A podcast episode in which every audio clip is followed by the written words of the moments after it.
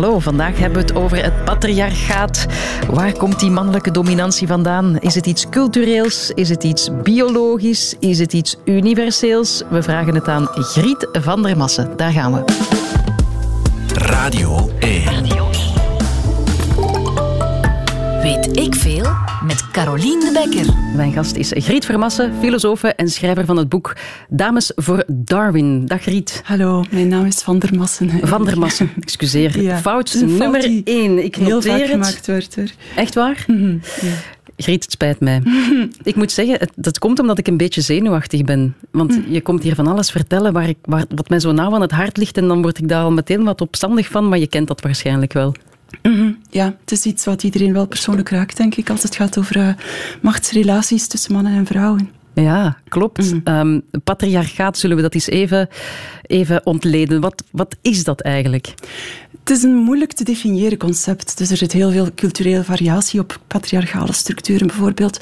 Maar de definitie die ik hanteer is een eh, maatschappelijk systeem waarin zowel de machtsposities als de economische middelen vooral door mannen gedomineerd worden.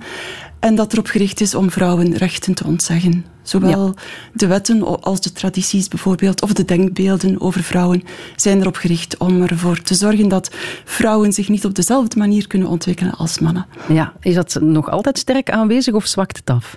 Als je wereldwijd kijkt, dan vrees ik helaas dat je dit systeem nog heel vaak aantreft. Zeker in, in niet-westerse eh, samenlevingen. In het Westen zijn we er ontzettend op vooruit gegaan. Maar ik denk dat we ook hier in het Westen nog altijd wel de restanten dragen van, onze patriarch van eigenlijk het patriarchaal systeem waar we ooit in zaten, waar we heel lang in gezeten hebben. Als je kijkt naar eh, ja, de manier waarop ook vrouwen hier in het Westen lang rechten ontzegd zijn. Als je ook kijkt naar de denkbeelden en de veel pseudowetenschappelijke theorieën die ontwikkeld zijn hier ook in het Westen over de inferioriteit van vrouwen, waarom ze biologisch inferieur zouden zijn, waarom ze intellectueel inferieur zouden zijn. Dus we dragen dat ergens nog wel mee, denk ik, in onze maatschappelijke structuren vandaag. Maar daarnaast kan je wel zeggen dat in onze maatschappij, dankzij uh, de verwezenlijkingen van het feminisme, um, we in een systeem zitten dat feitelijk gezien ervoor zorgt dat mannen en vrouwen gelijk zijn voor de wet, dat ze gelijke kansen krijgen en dat meisjes alle ontwikkelingskansen krijgen ja. die jongens krijgen. En toch zeg je van oké, okay, goed, die, gelukkig zijn er nu gelijke rechten. Hè. We krijgen allemaal dezelfde ontwikkelingskansen. Of, want dat wordt ook nog betwist natuurlijk. Mm -hmm. hè. Um, maar je schrijft in je boek... Um, maar vrouwen hebben altijd de voorkeur gehad voor, voor mannen van status, voor machtige mannen. Uh, bijvoorbeeld mannen die harems gingen vergaren, uh, niet tegengewerkt werden door andere mannen. Dat, het, het zit er zo'n beetje in. Het, is, het, lijkt wel alsof het een beetje de, de, de fout van de vrouw is, als ik dat zo lees. ik besef dat dat uh, moeilijk ligt. Ik zeg, dus het gaat hier helemaal niet over schuld. Dus als ik het patriarchaat of de, oors, de oorsprong van het patriarchaat probeer te analyseren, probeer ik het vooral te begrijpen. En wat ik zeker niet zeg, is dat het alleen maar een kwestie is van vrouwelijke partnervoorkeuren.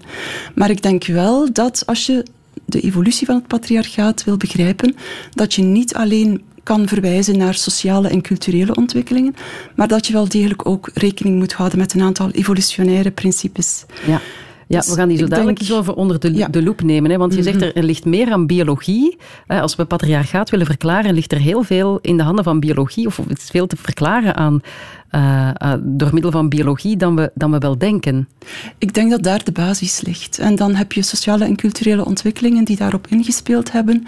En die een soort van zelfversterkende spiraal in gang gezet hebben. Waardoor we vandaag nog altijd in de wereld patriarchale systemen zien waar vrouwen echt bijna behandeld worden als een stuk vuil. En dat zou dan biologisch echt, zonder dat laagje cultuur, is dat een biologisch gegeven? Dat, dat de vrouw. Nee, uh, dus. Um, nee. De, je kan het patriarchaat niet begrijpen zonder ook rekening te houden. Dus met die sociale ontwikkelingen en die culturele ontwikkelingen. En daar kunnen we vandaag heel sterk op inwerken. Ja. En dat hebben we in het Westen ook gedaan. Mm -hmm. Dus ik zeg niet dat biologie noodlot is, absoluut niet. Maar wat ik wel zeg is dat ik denk dat het moeilijk zal zijn om een samenleving te krijgen waarin um, vrouwen evenveel machtsposities bekleden als mannen en waarin vrouwen evenzeer naar status streven als mannen, bijvoorbeeld. Ja. Omdat dat echt een deel van onze biologie is. Dat, dat, dat, ligt gemiddeld gezien. Dat zit ergens wel in onze biologie, ja. En de cultuur kan dat uitvergroten. En, en als je als vrouw op, opgroeit in een cultuur waar je geen economische kansen krijgt, mhm. Eh, dan ga je natuurlijk als vrouw veel meer nog zoeken naar een man met economische middelen. Mhm. Dus en dan krijg je bijvoorbeeld polygame culturen met mhm. mannen met een, een, hoge status die heel wat vrouwen eh, nemen. Vrouwen die zich daar ook bij neerleggen bijvoorbeeld. Ja, dat is trouwens een meerderheid van alle culturen die we kennen wereldwijd. Dus als je rekening houdt met uh, maatschappijen die nog leven van uh, jacht en van het verzamelen van noten en bessen en vruchten, dan zie je dat die heel vaak zo in elkaar zitten dat mannen met een hoge status meerdere vrouwen kunnen krijgen of mhm. aantrekken. En dat dus mannen met een lage status achterblijven zonder vrouwen of zonder een partner.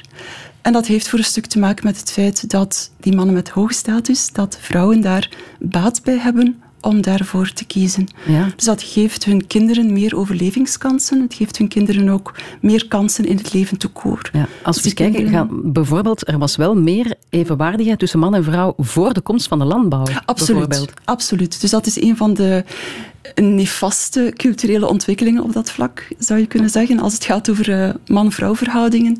De, het ontstaan van grootschalige landbouw heeft er zeker toe geleid dat vrouwen een groot deel van hun seksuele autonomie kwijtraakten en ook een groot deel van hun sociale status of hun prestige in de groep kwijtraakten.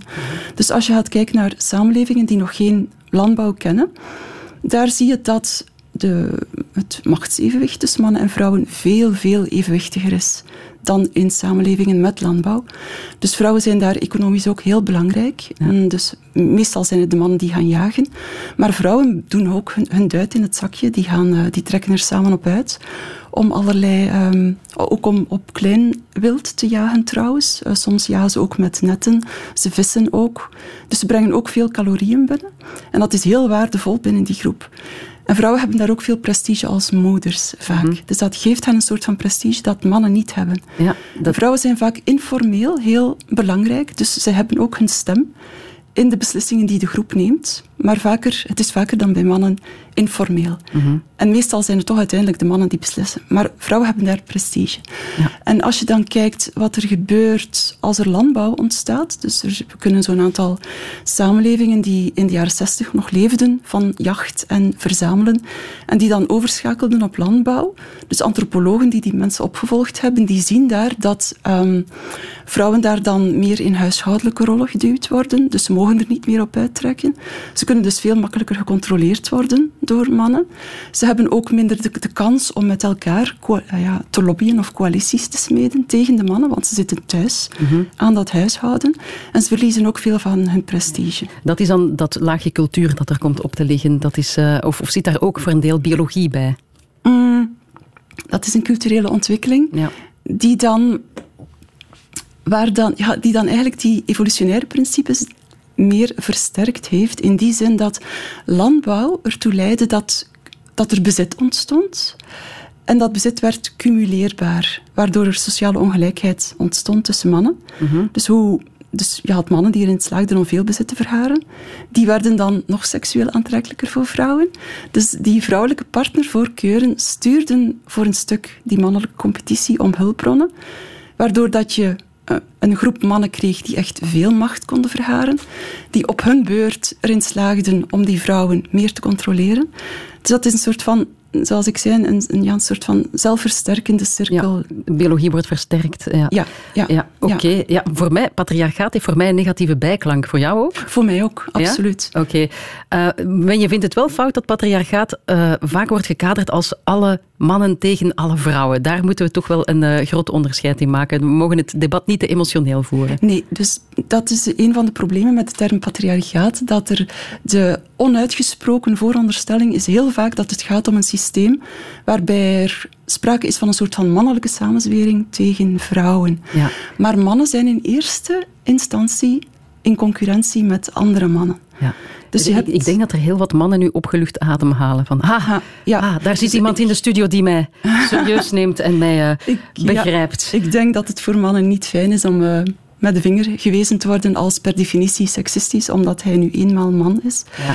als je kijkt naar uh, structuren die we patriarchaal noemen, dan zie je altijd dat er een elite van mannen is die zowel de meerderheid van de vrouwen domineert, maar die ook een grote meerderheid van de mannen domineert. Oké, we, gaan, we gaan dat eens verder uh, uitdiepen. Hè? Want uh, binnen het feministische denken bestaan er dus allerlei theorieën over de oorsprong van het uh, patriarchaat. Maar als we dat willen begrijpen, dan moeten we bij biologie beginnen, zeg jij. Dus dan gaan we daar naar kijken. Weet ik veel. Wat, wat zegt Darwin over de dominantie van de man, Griet? we zijn blijkbaar geen kneedbare homp klei.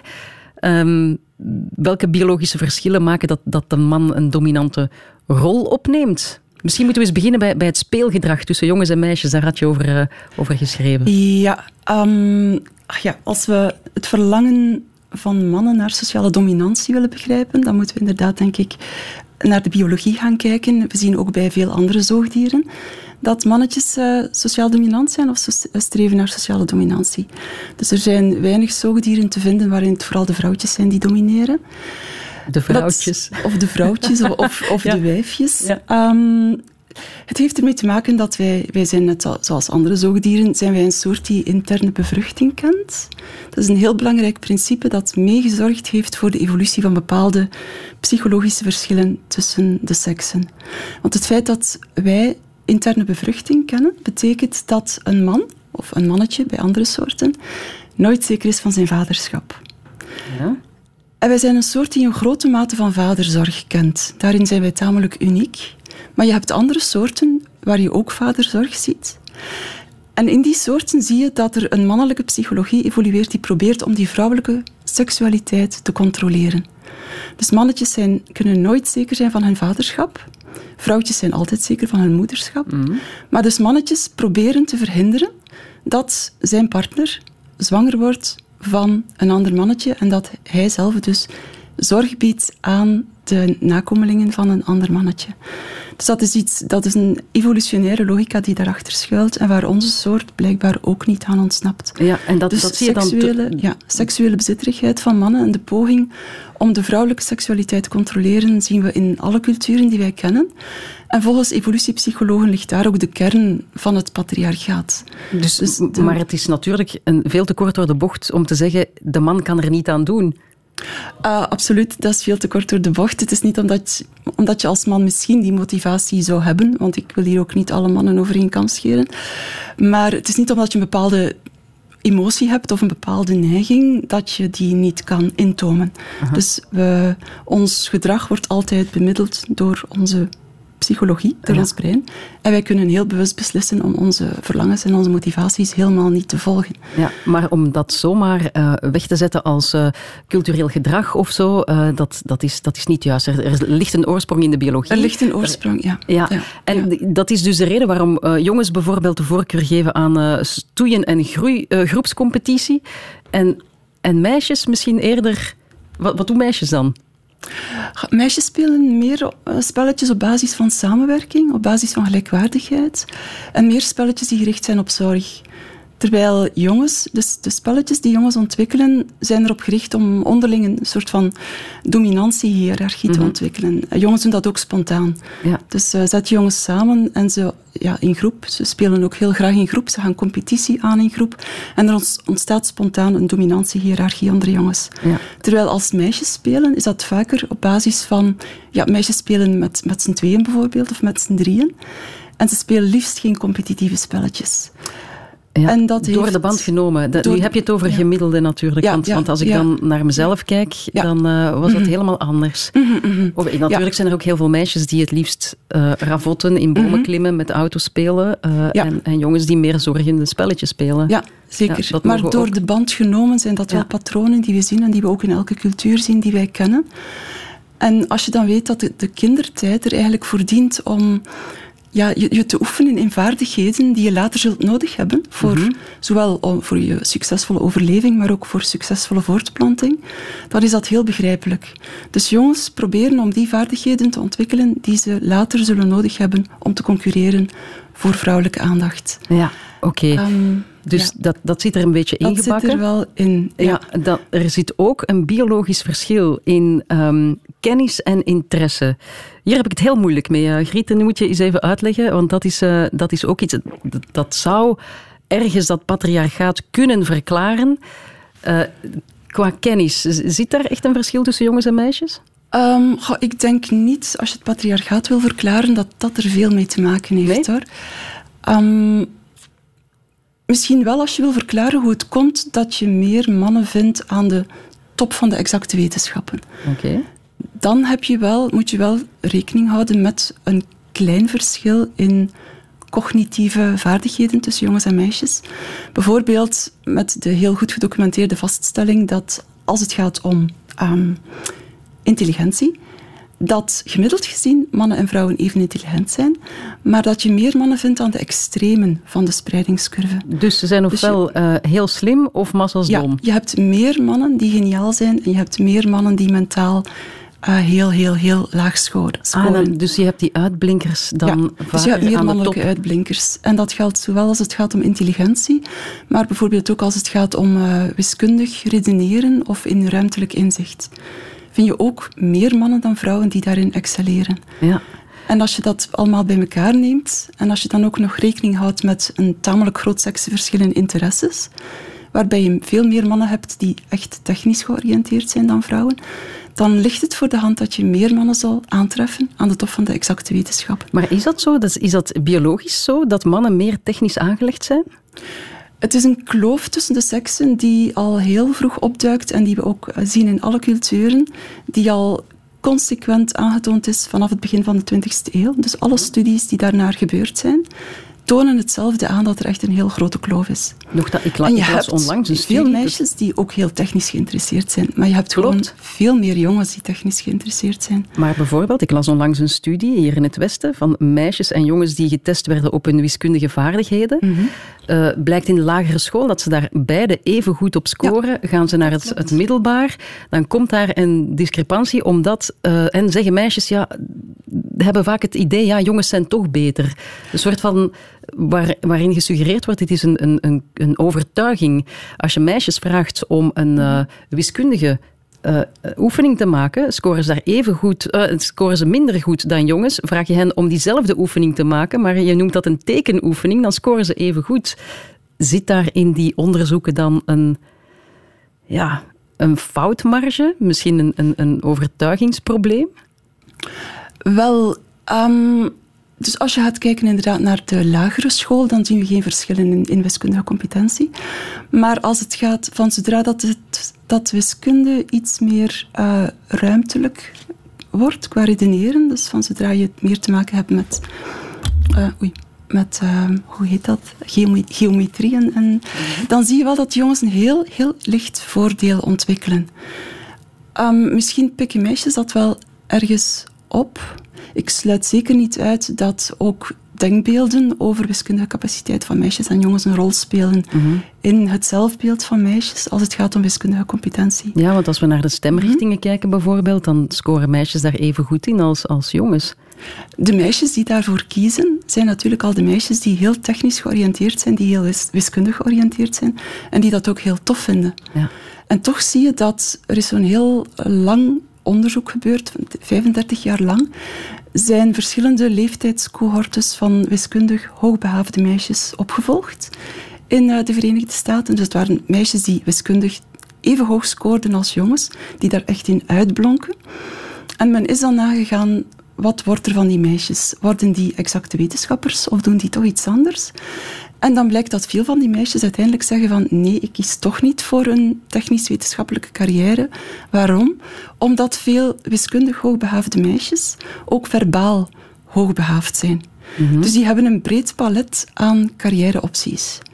Terwijl wiskundig hoogbehaafde jongens vaak alleen maar dat kunnen. Ja. Dus die hebben weinig keuze. Ja, ja want je ziet dat, dat dat is ook wat ook is onderzocht en dat lijkt een paradox. Hoe armer een land, dus hoe minder kansen, hoe meer beide seksen zich, zich richten op wetenschap en technologie. Mm ja, meisjes kiezen meer voor zachte richtingen als, als, het, uh, als, als het land uh, kansrijker is. Mm Dus dat sluit helemaal aan bij die uh, zeer robuuste bevinding van een groot verschil in interesses tussen de seksen. Dus als je leeft in een arm land, dan heb je geen vrije studiekeuze of heb je geen vrije jobkeuze. Er is, uh, als je een job wil, dan moet je daar wel technisch kiezen. Terwijl als je leeft in een vrij democratisch land, in een welvarend land, en alle studieopties zijn open voor jou, dus zoals vandaag gebeurt in het Westen, dus meisjes mogen kiezen wat ze willen. Over het algemeen, ik sluit niet uit dat in sommige groepen of milieus meisjes nog altijd gepusht worden in typisch vrouwelijke richtingen. Maar je ziet dan dat meisjes inderdaad, als ze hun interesses kunnen volgen, dat ze dat meer doen. Dus dat leidt ertoe dat de studiekloof in, uh, de, seksenkloof in studiekeuze en ook in beroepskeuze nergens zo groot is als in de Scandinavische landen. Dus hoe meer je meisjes en vrouwen de vrijheid geeft om hun eigen ding te doen, hoe meer ze dat ook zullen doen en hoe minder ze kiezen voor stemrichtingen, hoe minder ze ook kiezen voor een, uh, een job die uh, ja, niet sociaal gericht is, bijvoorbeeld. Wow. Dus de kloof, als je gaat kijken hoeveel vrouwen er werken in de publieke sector en in de privésector, is in Scandinavië supergroot. Is veel groter dan in andere landen. Amai, ik krijg dus, het er warm van. Echt, uh, dat, die had ik niet zien komen. Weet ik veel? Kleine greep uit um, wat we onlangs gehoord hebben op Fox News. Men are depressed and it's their own fault because men are allowing women to take over the world. Most women are happier at home. They are pretending that they like working and they're not making money because they don't stay all night at the office. They don't go the extra mile. Why they don't work all here? weekend. I'm You're making a mistake. Here. You would be much happier at home with a husband and children. Oh boy. That's why divorce rates are so high. Women don't know how to take care of their men anymore. Weet ik veel. Ja, vrouwen weten niet meer hoe ze hun man moeten verwennen. Uh, vrouwen zijn gelukkiger als ze thuis blijven. Uh, we hebben het over het patriarchaat. Uh, Griet van der Massen, ja. wat, wat vind je van die uitspraken? Um, tamelijk hallucinant. Ja, dus Fox News. ja, Fox News. Dus klopt helemaal niet. Er is een kleine minderheid van vrouwen die inderdaad het liefst thuis zit. Maar dat is een kleine minderheid. Dus als je gaat kijken, uh, zowel Europees onderzoek als Amerikaans onderzoek geeft aan dat voor ongeveer 1 op 5 vrouwen het eigenlijk wel een fijn vooruitzicht is als ze zouden uh, gewoon te, kunnen thuisblijven met de kinderen. Maar de meerderheid van de kinderen die wil echt niet gewoon thuis zitten met de kinderen. Uh, van de vrouwen bedoel ik. Ja. Wil echt niet gewoon thuis zitten. De ja. meeste vrouwen willen zich manifesteren op de ar ar arbeidsmarkt, willen zich ontplooien, willen een maatschappelijke rol vervullen die veel verder gaat dan zorg voor de kinderen.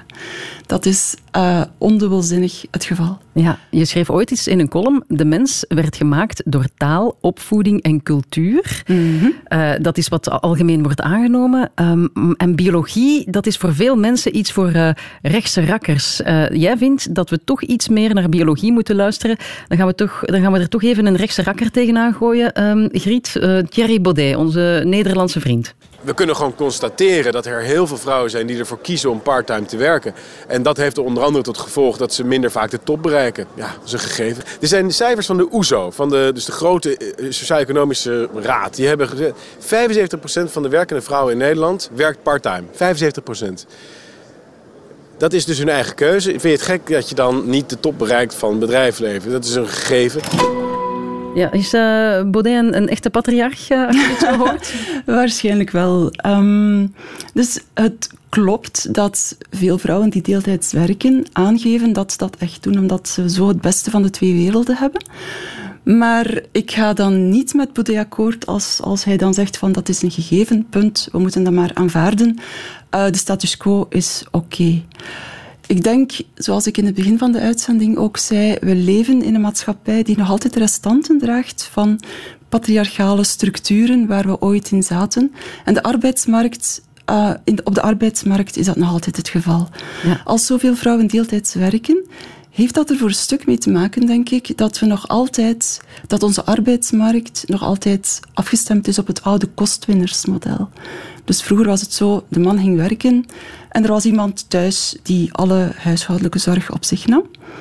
Um, vandaag zijn vrouwen ook op de arbeidsmarkt doorgestroomd, maar ze hebben zich moeten schikken in dat model waarbij ja, eigenlijk werd er van hen ook verwacht dat ze voltijd zouden gaan werken. Mhm. Maar dan is er niemand meer thuis die instaat voor zorg en dat moet ook gebeuren. Dus En dat is het dan voor de vrouw die vanuit haar biologie toch meer de behoefte voelt om dat te doen? Waarschijnlijk zijn er wel meer vrouwen die daar meer bevrediging uithalen dan mannen.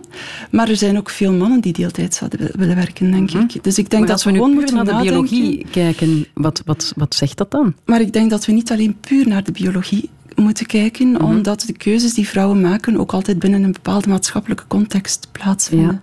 Dus als We je kunnen vrouwen... alleen die biologie wel bekijken om dat patriarchaat te duiden, maar dat betekent Ja, niet dat ja. we louter naar biologie moeten kijken. Nee, nee, nee, zeker niet. Dus als je ehm, wil begrijpen waarom zoveel vrouwen deeltijds werken, moet je er ook rekening mee houden dat het eigenlijk menselijk gezien gewoon niet gaat om met twee mensen, met twee partners voltijds te werken. Dus dat is heel st- stresserend, zowel voor mannen als voor vrouwen. Ehm, dus ik denk dat we gewoon, gewoon moeten nadenken over een ander maatschappelijk model dat er meer rekening mee houdt dat niet iedereen voltijds wil werken. Dat we kunnen bijvoorbeeld nadenken over een kortere werkweek.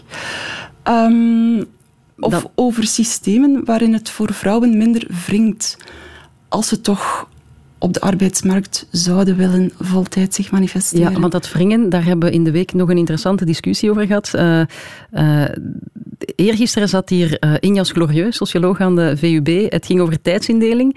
Het ging over het feit dat de rolpatronen tussen man en vrouw in 30 jaar tijd in België geen evolutie hebben gekend. Hè. Mhm. Vrouwen doen nog altijd vaker het huishouden en zorgen meer voor de kinderen. Ja. Mannen werken meer uren. En, Mhm. en hij schreef dat eh hieraan toe. Hoe komt het dat vrouwen iets anders willen dan mannen? Ik, denk dat dat opvoeding is, dat dat eh, eh, ook een stuk sociale druk is vanuit de omgeving. Als er iets fout loopt met de kinderen, gaat men heel snel naar de moeder kijken en gaat de moeder sneller schuldgevoelens hebben dan de vader in vele gevallen, omdat het sterker verbonden is met haar identiteit. Ook Ja. het ergste wat een vrouw kunt aandoen is zeggen dat het een slechte moeder is. En een slechte vader, goed, als die op zijn werk goed is, maakt dat al veel goed. Want hij is de kostwinner. Ja, mannen willen iets anders dan vrouwen. Dat is opvoeding en druk, zegt hij. Ga je, ga je daarmee akkoord? Ik denk dat er zeker ook sprake is van sociale druk. eh, en niet alleen culturele druk naar vrouwen toe, maar ook van vrouwen onder elkaar. Vrouwen kunnen heel streng zijn ah, als het gaat om ah, ben je wel een goede moeder en is jouw huis wel proper. Maar het is niet alleen dit. Ah, je ziet wereldwijd in alle culturen die wij kennen dat vrouwen inderdaad relatief meer gericht zijn op de zorg voor jong kinderen dan mannen. En dat is iets wat heel goed te begrijpen valt, ook weer vanuit evolutionair perspectief, omdat een kind voor een vrouw een zeer grote biologische investering is. Iets waar zij dus eh, negen maand in, qua, investeert, in- qua, investeert qua zwangerschap. Ze moet ook zogen. Ehm, dat kind vraagt heel veel zorg. Dus je kan verwachten dat vrouwen in verhouding tot mannen meer zullen gericht zijn op zorg voor dat kostbare kind. Maar dat betekent geenszins dat mannen niet kunnen zorgen of dat mannen niet willen zorgen. Dank u wel voor de Ehm, nuance. Ja. En ik denk dat, dat er cultureel nog te weinig ruimte wordt gemaakt voor zorgende mannen. Maar ik denk ook dat, dat we niet moeten zeggen dat er een heel groot probleem is, zolang mannen niet evenveel zorgen en zolang ze niet evenveel doen in het huishouden als vrouwen. Ja. Ik denk niet dat dat er ooit zal komen. Ik denk ook Nee? eigenlijk dat de meeste mannen en vrouwen dat niet willen. Dat, allee, onderzoek toont ook wel dat veel vrouwen... De gelijkheid moet er wel- zijn, de kansen moeten er zijn, maar Ja. jij Mhm. verwacht niet dat iedereen die kansen 50-50 gaat invullen. Nee, nee, Omdat nee. Dat, dat is dan weer inherent aan die biologie. Dat, dat heeft biologische wortels, dat denk ik wel. Ja. Veel vrouwen vinden het, um, of ja, als je vergelijkt met mannen, zie je dat vrouwen, toch vaker meer bevrediging vinden in, zeker in de, zorg voor kinderen. Misschien niet zozeer in huishouden doen, dat weet ik niet. Maar eh, Ja. je ziet ook dat vrouwen het vaak um, niet per se zo aantrekkelijk vinden als hun man evenveel zou willen doen in het huishouden. Is dat zo? Dat vrouwen het toch wel vaak aantrekkelijk vinden als hun man een beetje de mannelijke taken op zich neemt, zo de typisch mannelijke taken. Is dat echt onderzocht? Dat Is, dat iets cultureels? Dat is, Of, want dat, die ik moet die vraag blijven stellen. Hè? dat is onderzocht. Nu, die, dat is één studie, dus eh, die moet nog een beetje eh, gerepliceerd worden, denk ik. Maar ehm, er is zo één studie waar veel over te doen geweest is, waaruit blijkt dat um, koppels die, dus die huishouden en zorg evenredig verdelen, dat die minder seks hebben. Dus dat er blijkbaar toch iets Ik dacht de het omgekeerde. Is. Wel, misschien zijn er ook studies die het omgekeerde Ja, kijk, aantonen. studies, hè. Dus wetenschap is ook een vorm van geloof, zegt men Ja, vaak. dus dat is hier misschien een beetje kersen plukken, wat beide Ja. partijen dan doen. Ja. Maar in elk geval zie je dat weinig vrouwen het idee aantrekkelijk vinden dat hun man louter huisman zou zijn. De meeste, mannen, de meeste vrouwen willen dat echt niet. Mannen Ja, die, Ik dacht, ik, ik Ja. heb altijd het gevoel dat dat iets heel cultureels is. Maar, bon, dat, eh, maar kijk, dat is ook Ja. Mhm. een punt die je wil, dat je wil maken. Ehm, als we het over feministen hebben. ehm, zijn er heel veel feministen die heel emotioneel reageren, maar weinig of te weinig kijken naar dat eh, eh, biologische. En het debat dus misschien wel verkeerd voeren of niet grondig genoeg. Weet ik veel? Mieke die eh, stuurt hier in de app: Goedemiddag, ik vind het een beetje een gevaarlijke uitzending, zegt ze. Het gaat over het patriarchaat trouwens, voor mensen die net zijn binnengekomen. Ehm, het is een beetje gevaarlijk dat er zo vaak wordt eh, gedaan alsof vrouwen geen enkele keus hebben, dat ze standaard worden tegengehouden door het systeem. Maar zoals zojuist gezegd, als vrouwen kunnen kiezen, kiezen ze vaker conservatief. Ehm, ik vind dat vrouwen zeker wel keuzes moeten hebben. Ehm, maar is het een probleem dat ze voor clichés gaan kiezen? Nee, dat hebben we ook nooit gezegd natuurlijk, hè? eh, Mieke van der Massen. Griet van der Massen. Jongens, Mieke Vermassen, fout. Griet van der Massen. Ik, ik, eh, Griet van der Massen.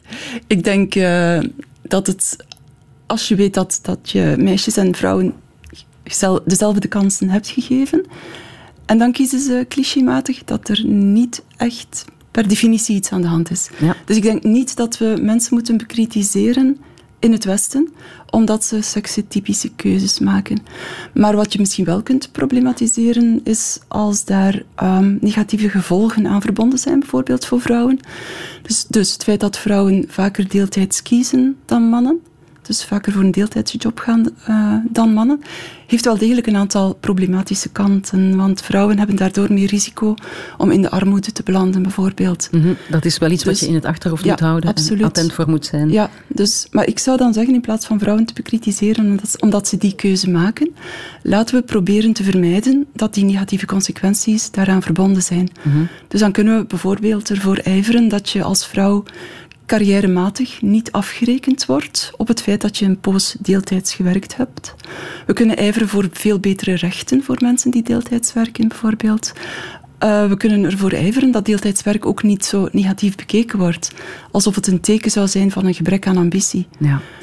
Ehm, ondertussen een reactie van een man, Wouter, in de keuken. Die zegt, ik sta in de keuken te koken. Ik ben blij met deze uitzending. Eh, ik ben blij dat ik hem kan volgen. Het is de eerste keer dat ik met zoveel nuance over het verschil tussen man en vrouw hoor praten. Is die nuance vaak zoek? Want we hadden het daarnet al over het feminisme. Eh, je krijgt heel vaak als ehm, schrijfster en filosofe eh, over, over de biologie en de biologische verschillen tussen man en vrouw tegenkanting. Ehm, Eigenlijk valt dat heel goed mee. Ja? hoor. ja ik, ehm, dus ik weet dat, dat als je in feministische hoek zou gaan luisteren, dan zal je wel wat tegenstemmen horen, denk ik. Maar de reacties die ik zelf persoonlijk krijg, zijn voor 99% zeer positief. Oké. Dus mails die ik Dan zijn het waarschijnlijk de luidste die ik online heb gevonden. Degene die meteen in hun pen zijn gekropen. En, Waarschijnlijk, ja. Ja. ja. ja, want de, de feministen tegenwoordig, eh, huidige feministen, gaan ervan uit dat de verschillen in positie tussen man en vrouw door cultuur en opvoeding komen. En dat dat toch wel iets is wat genuanceerd moet worden. Ja, dus dat het, het overheersende denkkader toch binnen het feministische denken is dat als we verschillen in gedrag en psychologie tussen de seksen willen verklaren, dat we inderdaad vooral bij eh, naar, moeten verwijzen naar cultuur en socialisatie. Dus men staat daar heel weinig open voor de mogelijke rol van biologie. En ik denk dat daardoor dat je daardoor een, een soort van zwart-wit verhaal krijgt waar veel mensen zich niet in herkennen. Omdat veel mensen uit ervaring gewoon weten dat er wel degelijk een aantal opvallende verschillen zijn tussen meisjes en jongens. Ehm, Zeker als je zelf kinderen hebt. En we zijn zelf kind geweest. En we weten allemaal toch dat er een bepaalde dynamiek heerst tussen mannen, die vaak helemaal anders is dan de dynamiek tussen vrouwen. Ja. Dus iedereen spreekt uit eigen ervaring. We zijn allemaal ervaringsdeskundigen als het gaat om man zijn of vrouw zijn. Ja. Dus dat idee dat het niks te maken heeft met inherente verschillen is behoorlijk wereldvreemd. Ja, oké. Kijk, ik onthoud, er zijn biologische verschillen tussen man en vrouw. Uh, wat de mannelijke dominantie voor een deel verklaart, maar dat betekent niet dat dit de norm is en we elkaars, uh, ja, dat we elkaar uh, ouderwetse rolpatronen moeten opleggen. Mm. Dat is het eigenlijk. Mm. Ja. Goed, dankjewel. Um, Griet, van der Massen. Ik wou nog één ding weten. Bestaat het matriarchaat? Bestaat nee. dat ergens ter wereld? Nee. nee de, vrou nee. de, de, vrouwelijke dominantie? daar is naarstig naar gezocht, maar uh, nee, daar zijn geen sporen van te vinden. Matriarchaat bestaat alleen in mythen. Dus bijvoorbeeld in de Griekse mythologie heb je de Amazones, die zijn heel gekend. Ah, die hun linkerborst dat amputeerden om beter te kunnen boogschieten? In sommige versies uh, ja, doen ze dat, in andere versies zijn ze gewoon een uh, zeer behendige boogschieters, een uh, vrouwelijke ruitersvolk dat leeft om oorlog te voeren en dat dan vecht tegen de Grieken. En ze, ja, ze ze delven dan altijd het onderspits, worden ofwel verslagen, ofwel uh, worden ze verliefd op een Griekse man en dan worden ze toch weer een brave huisvrouw. We kunnen nooit maar, winnen, hè? dat ja. zijn dus mythische verhalen, die je trouwens ook bij een aantal andere volkeren vindt. Dus uh, verhalen dat ooit er een, patria een matriarchaat zou bestaan hebben, maar dat vrouwen dan hun macht misbruikt hebben en dat daardoor mannen gezegd hebben van nu is het ons beurt, nu gaan wij jullie overheersen. Dus die mythes lijken een soort van rechtvaardigingen eigenlijk voor mannelijke dominantie. Ja, maar het zijn uh, mythes en het, het blijven mythes. Radio 1.